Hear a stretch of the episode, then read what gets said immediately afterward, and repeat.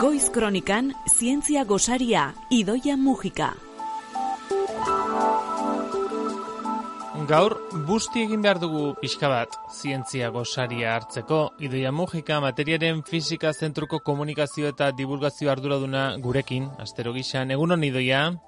Egunon nigot. Onda gara? Ondo, ondo gaude, zemutzuek. Ondo baita ere, hementxe, igandea goiza badoa aurrera, eta orlojuak esaten digu, gero eta gutxiago gelitzen dela goiz kronika maitzeko, baina oraindik kontu asko tartean Arkimidesen printzipioa. Bueno, Arkimidesen printzipioa gogoratuz, hasi behar dugula esango dugu. Nikon hartuko dizut letretakoa izan da, era bat letretako gainera. Horrelakoak azteko mekanismoa aspaldi jarri nuela martxan, baina Arkimedes lagunak onela diola irakurri dut. Fluido edo isurkin batean sartutako objektu orok, objektu horrek mugitu edo desplazatutako fluiduo edo pixu bereko indar vertikala jasango du gorantz. Wow, definizioa. Espero dut, eh, zuk hau baino argixagoa azalduko diguzula. Hori da ideia, bai, hori da ideia. Bai, pentsatzen den danak gogoratuko dugu zazkinean izen batzuk gelditzen zaizkigu buruan ez Arkimedes, Newton, bai, horrelako... Izena gelditzea errezagoa da, baina izan bai, edo, bai. esan nahi zuena ba... prinsipio horrek beste kontu bada. Printzipio hori eh, horrela esan da ulertu edo ez, egunerokatasunean daukagu eta eta gauza asko eta asko azaltzeko balio dugu. E, bueno, ni esperimentu txiki bat proposatu nahi dizuet, edo galderatxo bat botako eta irera, hola, entzulek pentsatu dezaten. Ze printzipioa ulertzeko oso oso okea da. Mandarina bi, e, imaginatu itzazue. Bat bai. txurituta eta bestea txuritu gabe. Bat azalarekin eta bestela azalagabe. Galdera litzateke, e, uretan sartu ezkero, zein ondoratuko litzateke eta zein gelituko litzateken flotatzen. Entzule, Am... berriz egingo diogu galdera, eh? zuk erantzun eman aurretik pentsa dezaten. Bi mandarina ditugu beraz, bat zurituta litzateke eta bestea zuritu gabe. Entzule, bietako zein ondoratuko litzateke lehenengo uretan. Hori da Ba, nik uste dut intuizioak edo asko eskatuko diena gorputzak nola bait, da pentsatzea pixu egiena daukana ondoratuko duela. Ondorot, Alegia zuritu ba, gabe dagoena, mandarina bere horretan. Alegia zuritu gabe dagoena, eta justu kontrakoa gertatzen da. Eta probatu dezakete etxean, mhm. hartu ba, ontzi luze xamar bat, eta bi, bi mandarinak eskutan dituztela, bota dezatela, eta ikusiko dute, ba, nola atalik gabe dagoena, e, ondoratuko dan eta azala daukana goian geldituko da. Ordan hau da netzako kriston irudi mm, pom, hola como bai, oso oso e, potentea esateko zeri da pasatzen. Ba, pasatzen ari dana Arkimedesen printzipioa da. Ze zuk esan dezun bezala, Arkimedesek dioena da e, indar bat jasaten dutela ure, bueno, ura esango diot, baina fluido batean murgilutako gorputz orok girgendar hori vertikala eta gorantzkoa da eta horrek egiten du gauza batzuk flotatzea eta beste gauza batzuk ez flotatzea. Ba, kasu honetan, e, mandarinari erreparatzen badiogu, e, claro, mandarina gehiago pixatzen du azala daukanean. Argia da. Eta, e, argi eta garbi. Baina ez pasatzen da ere azala duenean. Azala duenean, volumen gehiago okupatzen du. E, zer esan nahi du horrek? Ba, Arkimidesen printzipioari berriz ere erreparatzen badiogu perak esaten zuen indar hori, gorantzko indar hori, harik eta handiago izango da segun eta zenbat volumen desplazatu desun.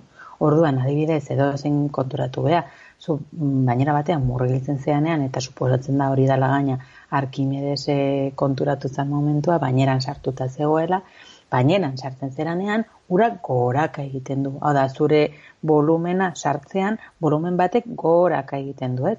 Ba, goraka egindako volumen horren pixua hori da zu jasandako indarra. Orduan, zeinik izango du indar gehiago orantzkoa?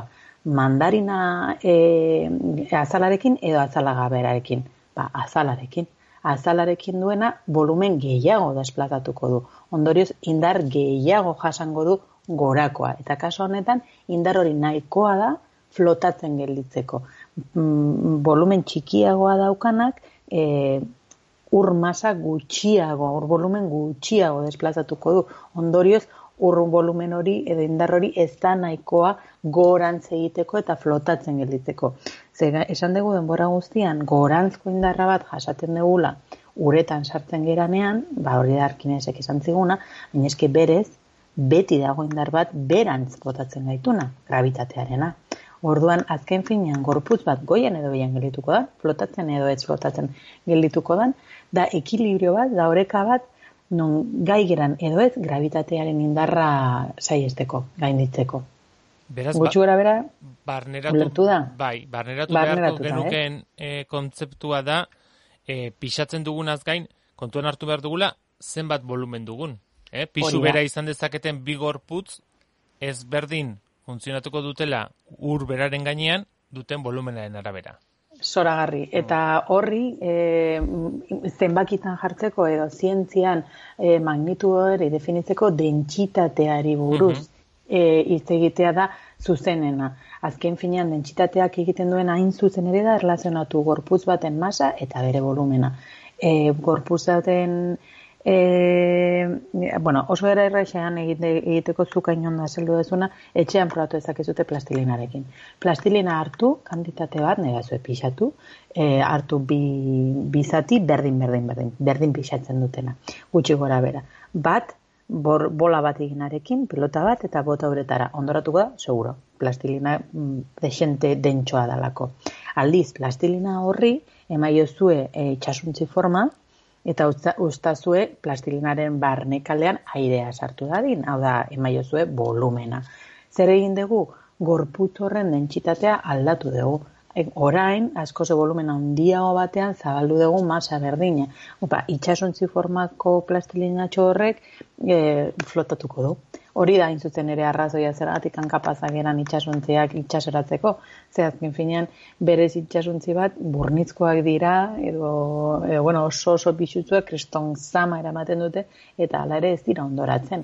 Arrazoia hori da, zama hori oso zabalduta dagoela volumen oso handi batetan. Ondorioz, itxasuntzi horien dentsitatea espero baino txikiagoa da. Naiz eta beraien pixua oso handia izan, dentsitatea txikiagoa da, eta hori da plastilinarekin egin, egin dezakeguna. Gaur nahiko giro argia esan dago iganderako, baina egia esan bestela etxean egiteko eh, bi esperimentu polit, mandarina eta plastilina gainera nahiko eskura dauzkagun bi gauza dira. Pues, bai, bai.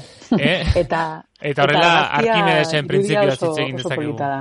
Bai, benetan. Aurrekin ere. E, beste galdera bat, ez dakit Arkimedesekin e, zer ikusi duen honek idoia, baina zergatik itsasoan igerilekuan baino errazago flotatzen dugu? Ba, on guztiz dago erlazionatuta Arkimedesekin, baina kasu honetan kontzeptuari buelta eman behar diogu. Orain arte egin duguna da, nolabait e, ikusi zein dan gorputzaren, gorputzaren, ba, gorputzak zer, zer esan nahi duen, ez? Ba, bere masa, bere pixua, bere, bere volumena, baina ze pasatzen da fluidoarekin. Ba, kasu honetan itxasoaren dentsitatea, hau da, itxasoaren pixua litroko e, ur gezarena baina askosa handiagoa da. Ondorioz, zu sartzen bazea e, itxasoan zure gorputzak beti de, desplazatuko du volumen berdina. Beti. Zezu zuzera.